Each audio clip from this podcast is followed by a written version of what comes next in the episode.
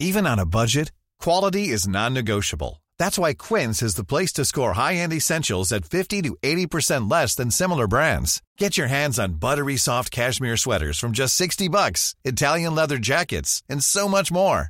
And the best part about Quince, they exclusively partner with factories committed to safe, ethical, and responsible manufacturing. Elevate your style without the elevated price tag with Quince. Go to quince.com slash upgrade for free shipping and 365-day returns. Many of us have those stubborn pounds that seem impossible to lose, no matter how good we eat or how hard we work out. My solution is PlushCare. PlushCare is a leading telehealth provider with doctors who are there for you day and night to partner with you in your weight loss journey. They can prescribe FDA-approved weight loss medications like Wagovi and Zepbound for those who qualify. Plus, they accept most insurance plans. To get started, visit plushcare.com slash weight loss. That's plushcare.com slash weight loss.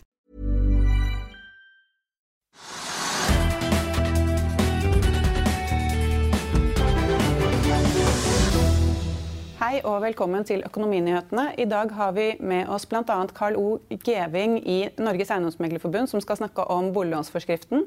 Og I tillegg så skal vi snakke om børsene ute i verden. Men først så skal vi altså til Oslo Børs, vinnere og tapere. Og eh, På Oslo Børs så har det da gått litt ned i dag. Det er rett under, vi ligger rett under 900 poeng akkurat nå. Eh, og også Denne uken har Oslo Børs vært preget av laksenyheter. og Trygve, Børsen falt fra start. Kan vi si at det er negative laksenyheter som demper utviklingen? Veldig. Altså, det, er, det er som du sier, altså, Indeksen er jo ned ca. 1% og Vi liksom skraper 900 på hovedindeksen. og Jeg vil si at vi faktisk i dag har hatt en form for laksekrakk. Fordi det er flere selskaper som har falt 14-15% Det er mye. Altså, du kan godt få reaksjoner i markedet på dårlige eller gode nyheter på 2-3% kan man få. Eh, men 14-15 det er veldig mye. og det, det, skyldes da at Lerøy, et av de store selskapene, kom med en veldig dårlig tall.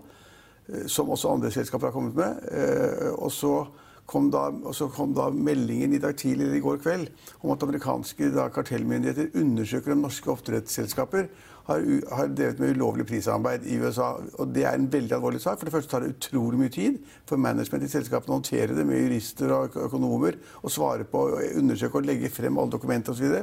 Det er en kjempejobb. Og i tillegg, hvis man skulle bli dømt, og så få en sånn kartellsak mot seg Norske rederier har fått det tidligere. Eh, amerikanske myndigheter har slått til så kan det være snakk om bøter på liksom milliarder av kroner. Milliard dollar. altså Det er vanvittig hva det kommer ut av det hvis det først blir noe av. Så tar det mange år. Altså Det amerikanske rettsprosess er ganske langdrygt og rettferdig, og de holder på. Men når da mange selskap selskaper skrev opp for moro for ikke miste mer altså Lere var ned 15 eh, Austevoll var ned 14% Grieg var ned 6% Movi var ned 4-5 Og SalMar er ned. Ja, Og det er krakk. fordi Vi snakker om krakk når det er liksom 20-25 eller noe sånt. Man må ikke helt opp i 50 Uh, og det er veldig synd, for det, det er kombinasjonen av noen dårlige resultater og da denne aksjonen. Det er det som da slår helt ut. Og så er det litt vanskelig å si om de dårlige resultatene som kommer, er helt riktige. fordi at uh, I disse regnskapene til oppdrettsselskapene så, så, ser de på liksom da operativt driftsresultat, men så har de også da den, alt det som står i sjøen av masse laks den biomassedelen som de snakker om, den skriver de opp og ned. og sier liksom nå er den verdt 300 milliarder mindre eller 500 milliarder kroner mer. Så det er litt vanskelig å si på regnskapene til oppdrettsselskapene. Jeg tror de overdriver litt i forbindelse med debatten om denne beskatningen av grunnrenten innen oppdrettsnæringen. Tror de tar i godt altså, for ikke å få resultatet til å bli helt himmelske. Eh, men sammen med de amerikanske greiene så er dette en veldig dårlig dag, og det, og det kan vare lenge. Man kan komme uh, drypp av informasjon fra Amerika om at de sier sånn eller sånn, eller at det er spesielt uh, som er utsatt, eller Det vet man jo ikke. Eller det var Movi. Og så var det ganske skummelt for noen dager siden, hvor Movis toppdirektør, altså tidligere Marine Harvest, gikk på dagen. Ingen skjønte hvorfor. Og så kom det bare frem i Finansavisen at han hadde tjent 100 millioner på det, så han jo liksom, kan jo leve av det etterpå. Men det var ingen som fikk frem noen som helst informasjon om hvorfor han gikk på dagen. Og nå kan man jo koble litt, da, hvis man er litt stygg, så kan man jo koble da, og si at liksom, han måtte gå, måtte gå, eller gikk på dagen fordi han da kanskje har vært involvert i de greiene i USA. Og på en måte trekke seg ut av selskapet for å litt søkelyset unna seg. Kan tenkes, for det var ingen andre forklaringer. Og det, jeg synes den er, det høres ut som det er noen sammenheng, men det kan jeg jo ikke si. Ja, for Selskapet mener at de har lett etter en etterfølger en stund? og sånne ja, ting. Men, altså, jeg, jeg, kan ikke si det, jeg vet ikke. Jeg bare sier at det, det var litt snålt å se da det at han gikk av på dagen. og Har gjort en kjempejobb. og Movi har vært et kjempeselskap som er kontrollert av John Fredriksen. Men at man nå bare en dag eller to etterpå skulle få da meldingen om de greiene ja, altså jeg, Vi, vi, i Finansavisen vi er, vi er, rimelig skeptiske til hva folk sier. og det, da jeg, vil jeg være skeptisk, men det kommer til å henge ved oppdrettsnæringen lenge. og det, Den har jo gått og gått og gått, så jeg, alle har jo fått kjempegevinster. Urealiserte, veldig få realiserte. Og, og, men, men, men, dette er ikke bra. Så var, Det rammet Oslo Børs, det rammet, rammet oppdrettsnæringen. Og det rammet, rammet, kanskje også andre selskaper, det vet jeg ikke. Ja, for Det er da norske og skotske selskaper som er blitt beskyldt for prissamarbeid i USA. Tror du det er noe i det? Nei, helt umulig å si. Altså, de, de, er dumme hvis de har gjort det, men det er, det er liksom det der prissamarbeidet er ganske skummelt. Du sitter med et fly sammen og snakker sammen. og liksom og, hvor ligger dere liksom med førstekvartalstallene? Så snakker man sammen. Noe annet er hvis det er mailer og sier at vi deler markedet. Dere tar liksom Nord-Amerika, vi tar Sør-Amerika. Dere konkurrerer med Chile. Dere konkurrerer med Bakkafrost. Altså, hvis de deler opp det, og det er en skriftlig korrespondanse på det, så er det kjempealvorlig. Men har de råd til det, de norske lakseselskapene? Du snakket om at det kunne bli kjempeomkostninger. Ja, det har de råd til. De, har de, råd til. de tjener så vanvittig mye alle sammen. De har jo, så det og så har de tjent mye i mange år. Så liksom om, om gevinsten de siste tre årene har vært 25 milliarder eller 30 milliarder, det har, det har jeg ikke giddet legge sammen. Uh, men det er så mye at det spiller ingen rolle. Så de kommer, Derfor tror jeg også at disse bøtene, hvis de kommer, er litt avpasset av resultatene de har hatt. Så det, det er så det, er ikke bra i det hele tatt. Og det er i grunnen ganske interessant å se at en sånn suksessnæring, alt går riktig, så plutselig får de litt motstand. Kommer det forslag om å særbeskatte med 40% ekstraskatt i året pluss den gamle skattesatsen vi andre har, på 22. Det er 62% skatt på overskuddet. Det er ikke bra for næringen, og det, det hater de selvfølgelig. Så Det er negativt for næringen. og så, og så, får du da To dager etterpå så får du ganske dårlige tall. Og så får du da samtidig da meldingen om at det kanskje er prissamarbeid. Altså det, det, er ikke bra. Det, selv den mest suksessfulle næring kan da få store problemer. Ved at det plutselig skjer uventede ting. Så er en liten påminnelse om at man faktisk da bør ta gevinsten av og til. Man har tjent mye penger i gode selskaper og komme seg ut. Men eh, lakseskatten, hva tenker du om den? Ja, Den mener jeg er helt, helt feil. Det er et ganske vanskelig teoretisk økonomisk tema. I korthet så går det ut på at den såkalte grunnrenten, hvis altså oppdrettsselskapene tjener mye mer enn alle andre næringer etter at de har betalt lønninger og kapital, og liksom man får en superprofitt, så ser man at det må være en grunn til det. Og Grunnen sier at det skyldes at oppdrettsselskapene har fått lov til å drive virksomhet i norske fjorder, som er fellesskapets eie, ditt og mitt. Eh, og det må de betale for på samme måte som da fossefall, som renner og renner, og oljehull i Nordsjøen som de tapper. Men det er litt annerledes, fordi at de har riktignok vært i norsk vann, men de merdene som de driver, kan jo flyttes. De kan flyttes på land, de kan flyttes ut i havet. De kan flyttes, så det er, ikke, det er ikke som en foss. Fossen kan ikke flyttes. Og får du retten til å, da, eh, å vinne ut strøm fra foss, så har du den. Får du retten til å vinne ut olje og gass fra et hull i bakken, så har du den. Men merd, jeg mener det er litt forskjellig. Det er litt annerledes. Og så, er det litt, så, og så har de da begynt å betale en form for grunnrente ved at disse konsesjonene hvor de kan drive, de da auksjoneres bort hvert år. eller har begynt med det, Og da har de tatt full pris. Så er i hvert fall ikke, De kan ikke få særbeskatning, for de har betalt i form av auksjon og sagt at de er bevilget til å betale 100 millioner eller 200 millioner kroner for lov til å drive lakseoppdrett der, i den fjorden. Og så er det en annen ting. Da de begynte for 20-30 år siden, så tjente de ikke noe særlig penger i det hele tatt. Så da ble det i hvert fall ikke noe superrente. Så det er liksom, jeg, jeg, er ikke sikker på hva jeg helt mener. Jeg er egentlig litt negativ. Men oljebransjen har klart seg ganske bra, da, må man si, selv om de har samme type skatt? Ja, men med store svingninger. Ja. Med store svingninger. Og de, og de, og, men, men det, er ikke, det, er ikke, slik at de sa den gangen man skulle begynne å skatte, at de sa at da flytter vi i morgen. Det er ikke slik de sa, for De hadde jo liksom felt de hadde funnet olje. Man vil jo være her.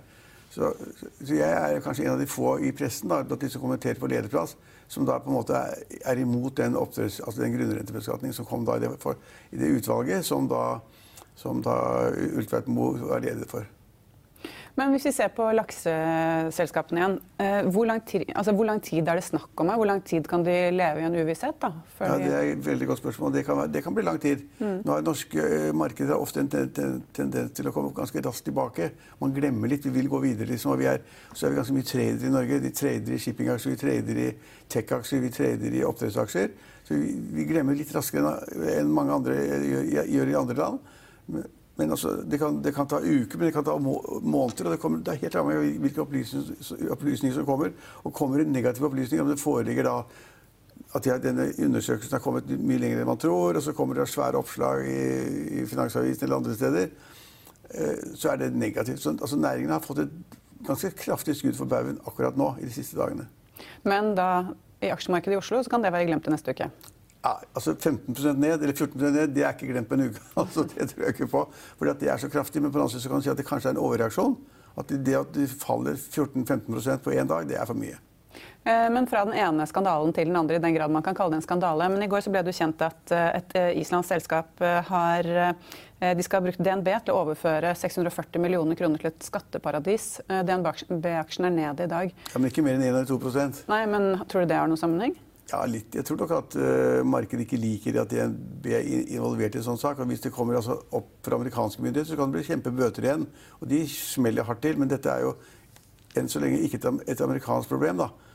Uh, så det er Islands, Norge osv. Så, så er det spørsmål da, om DNB har vært aktiv deltaker, eller visst hva de gjorde, eller om de bare har vært altså, kontofører og er en bank. Jeg, ja, når man snakker om at DNB er delaktig, så mener jeg det er en feilaktig bruk av ordet.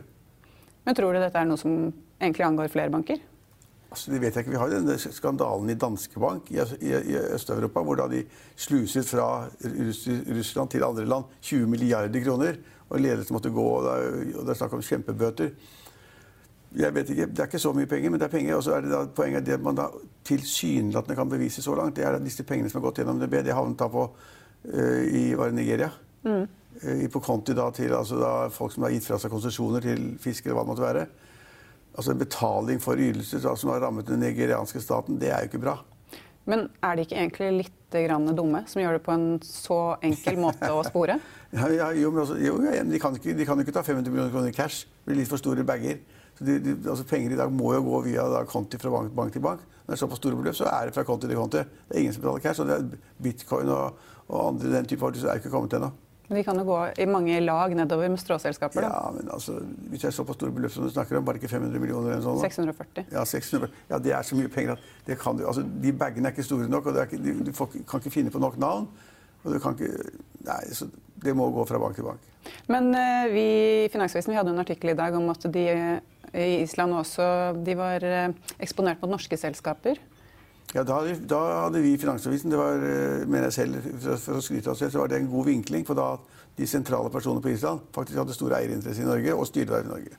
Det er en vinkling, men også, det henger jo egentlig ikke sammen. Nei, og det er jo ikke dermed sagt at uh, de gjør ulovlige ting her. Nei. Nei. Um, også, ja, det er jo da uken for prissamarbeid, for det var også Konkurransetilsynet som hadde razzia mot uh, Norgesgruppen. Eh, ja, det? Ja, det, altså, det, har jeg skrevet om i dag, faktisk. og Det har jeg sett da i alle lederkommentarene jeg har lest, og det har kanskje jeg lest seks stykker. I andre aviser så syns alle det er helt, eh, helt riktig å da ha den razziaen. Og at eh, konkurransemyndighetene da har sjekket alle prisene, innkjøpsprisene som da alle kjedene må betale til leverandørene. Leverandørene som selger enten pizza eller cola eller melkeprodukter eller, eller, eller kjøttprodukter inn til kjedene. Og Der ser det som alle mener at det er så fælt eh, at, at Norgesgruppen, som har 44% av markedet, 43,8% av markedet i Norge, det er nesten halvparten av all dagligvarehandel, at de da får bedre priser enn de som kjøper altså de som kjøper 1 million coca.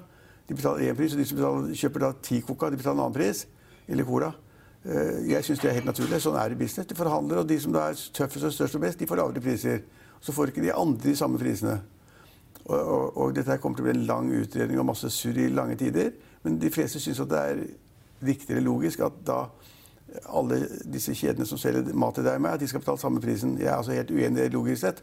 Og hvis man skulle få, hvis altså næringsminister eh, Røe Isaksen skulle gå inn for det, så jeg er temmelig sikker på vi kunne bare tenke oss Hvis vi hadde spill nå, altså hvis, hvis, hvis, uh, hvis uh, leverandørene visste at den prisen én kjøper fikk, også skulle brukes til alle de andre, så vil prisen sannsynligvis bli høyere, ikke lavere. Sannsynligvis. Så du mener at de får bestemme det selv?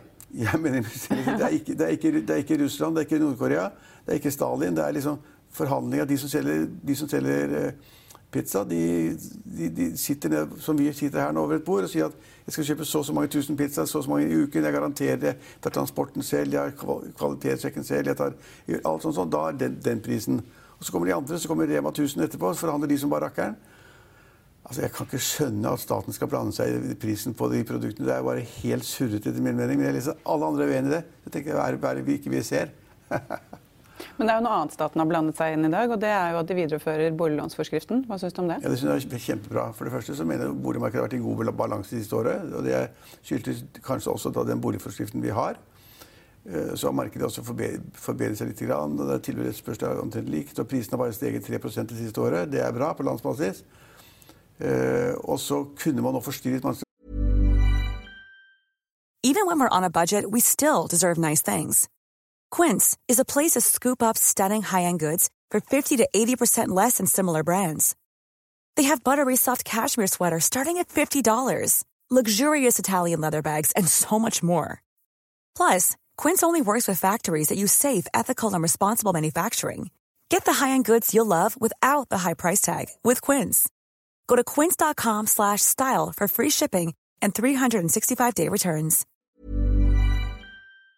I'll see you in court.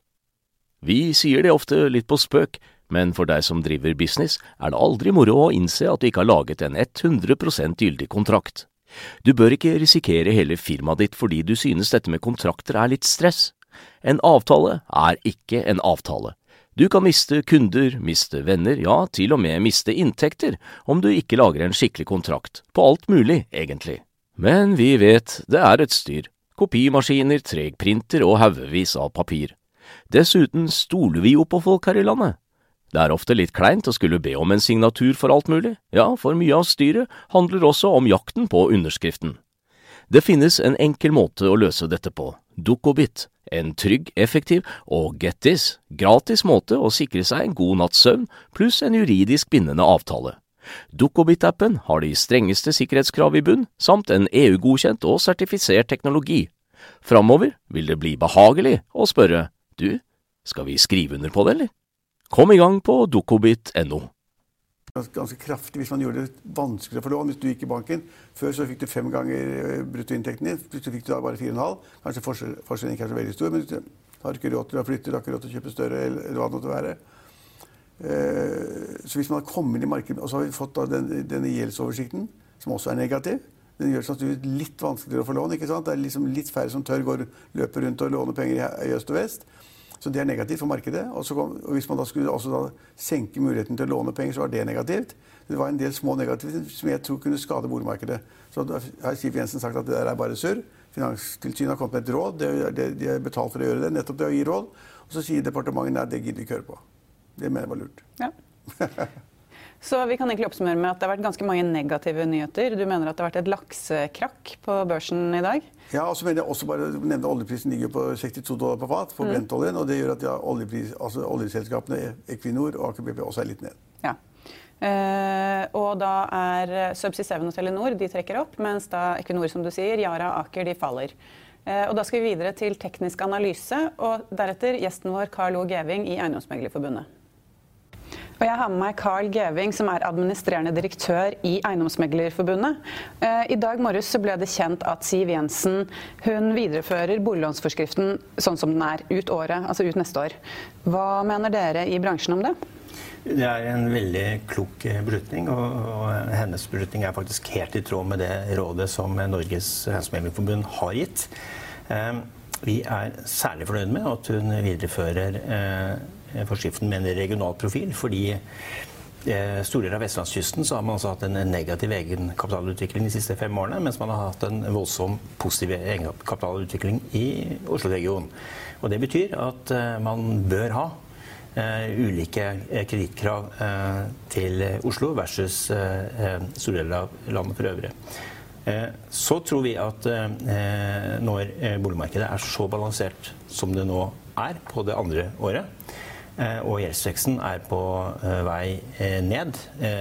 Den er på 5,1% har ikke vært lavere siden november 1996. Så tror vi at det er uhyre viktig å gå varsomt fram og ikke gjøre endringer slik Finanstilsynet foreslo. For det kunne med stor sannsynlighet gitt en korreksjon som vi ikke trenger nå. Ja, for De foreslo at man skulle stramme inn og bli 4,5 ganger inntekten. Ja, og det er en mye mer dramatisk innstramming enn det de har eh, egentlig tatt høyde for.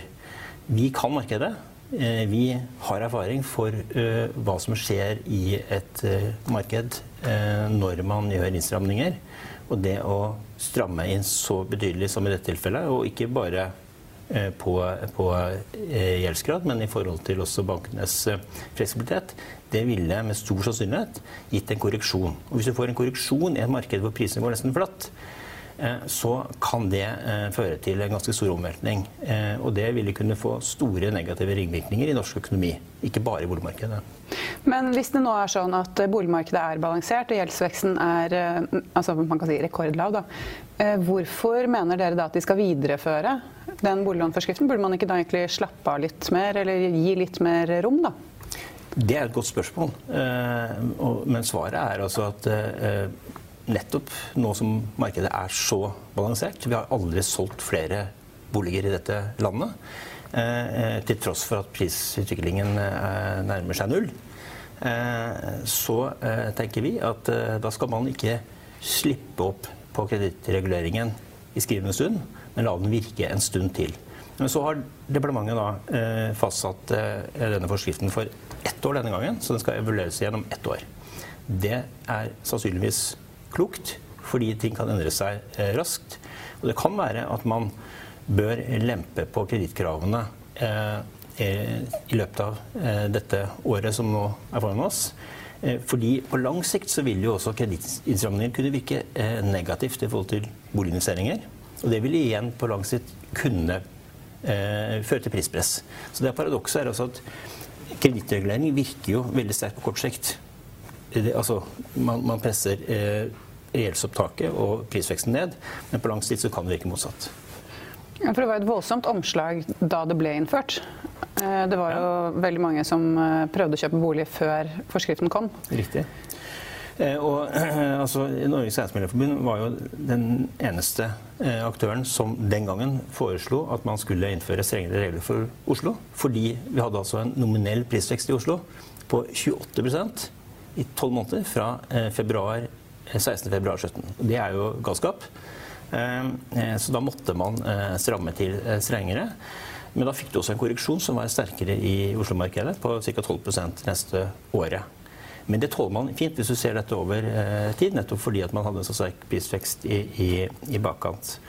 men, men, igjen, det viser jo at endringer i, i kredittkravene, eh, det påvirker markedet i ganske stor grad. Og så er det ikke bare realøkonomiske effekter. Det er også eh, eh, endringer i sentimentet. altså folk, Folks forventninger påvirkes.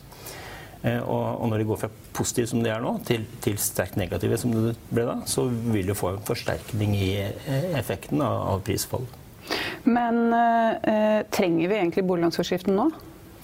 Ja, det tror vi at vi gjør. fordi at hvis man slipper helt opp eh, i et lavrenteregime. Folk snakker om at nå er renta 1 høyere, og det er riktig, men husk at kjøpekraften i utgangspunktet har vært veldig høy for de fleste i dette landet. Så 1% opp til en markedsrente på rundt 3% det tåler de fleste veldig fint. Og den er fortsatt lav? Den er fortsatt lav, og den mm. kommer til å være lav med all sannsynlighet. Altså, på kontinentet så, så, priser man jo inn eh, negative renter i ti år og mer enn det. Så, så hvis det slår til, så, så, betyr det at vi kommer til å ha lave renter over lang tid. Og da skal man igjen altså, gå varsomt fram. Og det å fjerne kredittkravene helt, det kunne få motsatt effekt, nemlig at eh, man ville få en bonanza i låneopptaket. Men du sier at det er fint at man, har en regional, eh, man tar hensyn til det regionale. Betyr det da at en som bor i Oslo kan søke om lån i en bank i, på Vestlandet og få mer lån, fordi de da har mer å gå på? Ja, altså de har mer å gå på. Men eh, man skal være klar over at eh, eh, i og med at eh, boligverdiene har falt, særlig i Stavanger, eh, så har du en form for innlåsningseffekt. Eh, som gjør at hvis bankene ikke har et ganske romslig skjønn, så vil de heller ikke kunne hjelpe eh, de som, som eh, tvinges til å flytte. Uh, og, og, det er problematisk, særlig i en uh, region som er såpass produktiv for norsk økonomi som, som vestlandsregionen. Altså egentlig helt fra Kristiansund og helt ned til Kristiansand. hvis du tar med Sørlandet. Så det er viktig at bankene har kanskje større fleksibilitet på Vestlandet og deler av Norge enn i Oslo. Hvor det er behov for å, for å holde litt i, i, igjen. Ja, og, og jo... så vil du kunne risikere, hvis, hvis du Eh, hvis, hvis, man hadde gjort som Finanstilsynet sa, da, mm. nemlig å, å, innføre like regler overalt, så er det jo en risiko for at eh, bankenes eh, handlingsrom ville blitt brukt opp i Oslo. Som er mye mer kompetitivt eh, når det kommer til lånekunder. Ja, for nå er det vel sånn at man kan ha hva er det der, eh, unntak i så og så mange tilfeller i Oslo, er det åtte? 8 i Oslo og 10, ja, og 10 i resten av landet. Ja. Men det vil jeg si at de bankene som er andre steder av landet, de har kanskje mer å gå på, fordi der er boligprisen lavere og man trenger ikke å makse den fem ganger I utgangspunktet så har du jo det, men samtidig så er nok bankene også mer varsomme i, Mm. i svakere markeder. Eh, Så, så det, Derfor så er det også viktig å legge til rette for at bankene måtte ha litt mer rom mener Mm. vi, i de markedene. Men hvordan tror dere at boligmarkedet går nå?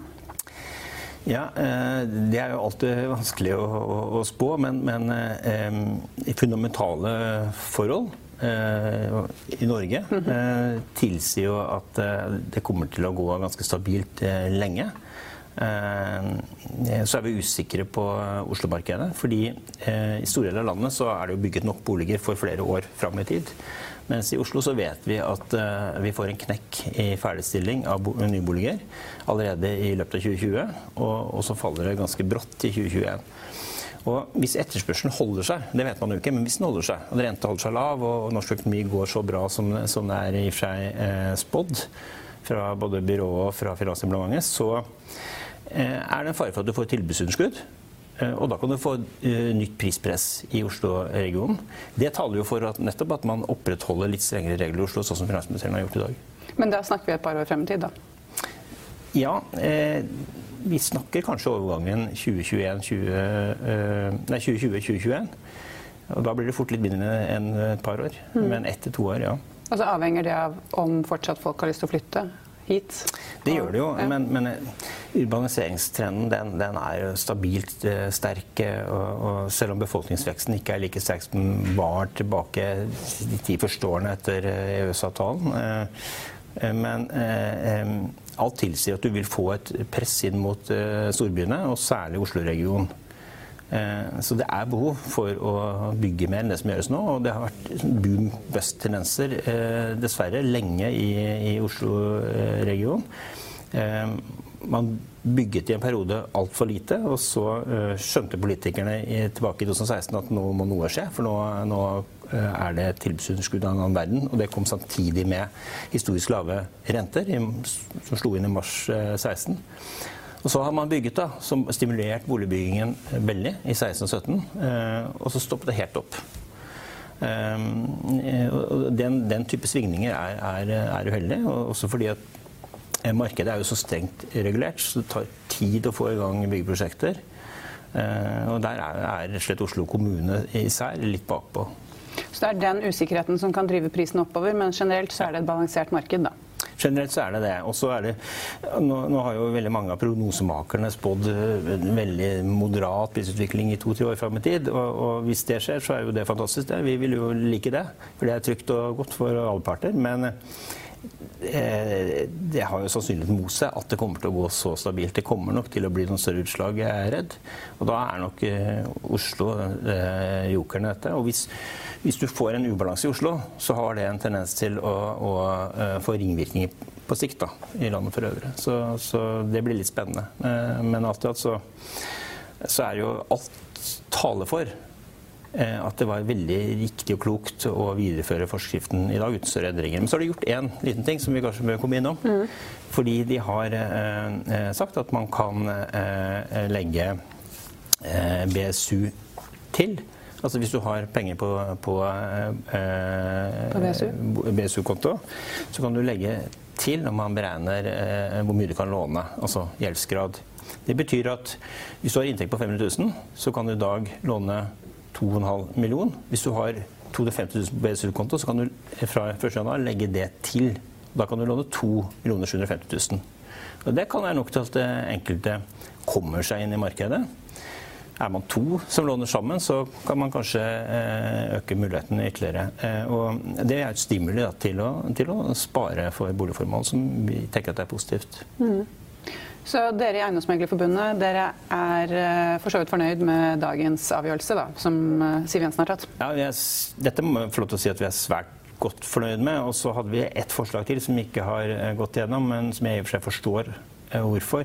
Vi har foreslått at man kunne også legge til rette for at folk med høy betjeningsevne, men lav egenkapital, kunne få eh, eh, låne med en lavere egenkapitalgrad eh, mot at de da binder seg til en fast rente over lengre tid.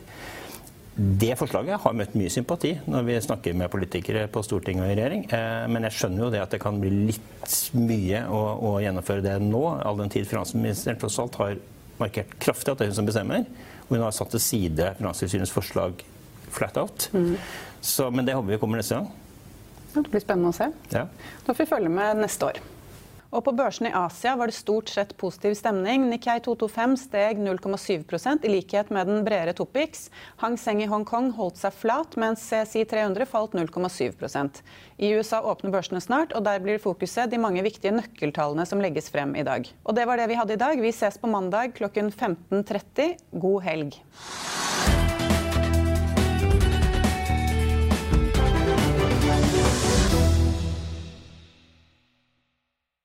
Økonominyhetene er en podkast fra Finansavisen. Programledere er Marius Lorentzen, Stein Ove Haugen og Benedikte Storm Bamvik. Produsenter er Lars Brenden Skram og Bashar Johar. Og ansvarlig redaktør er Trygve Hegnar.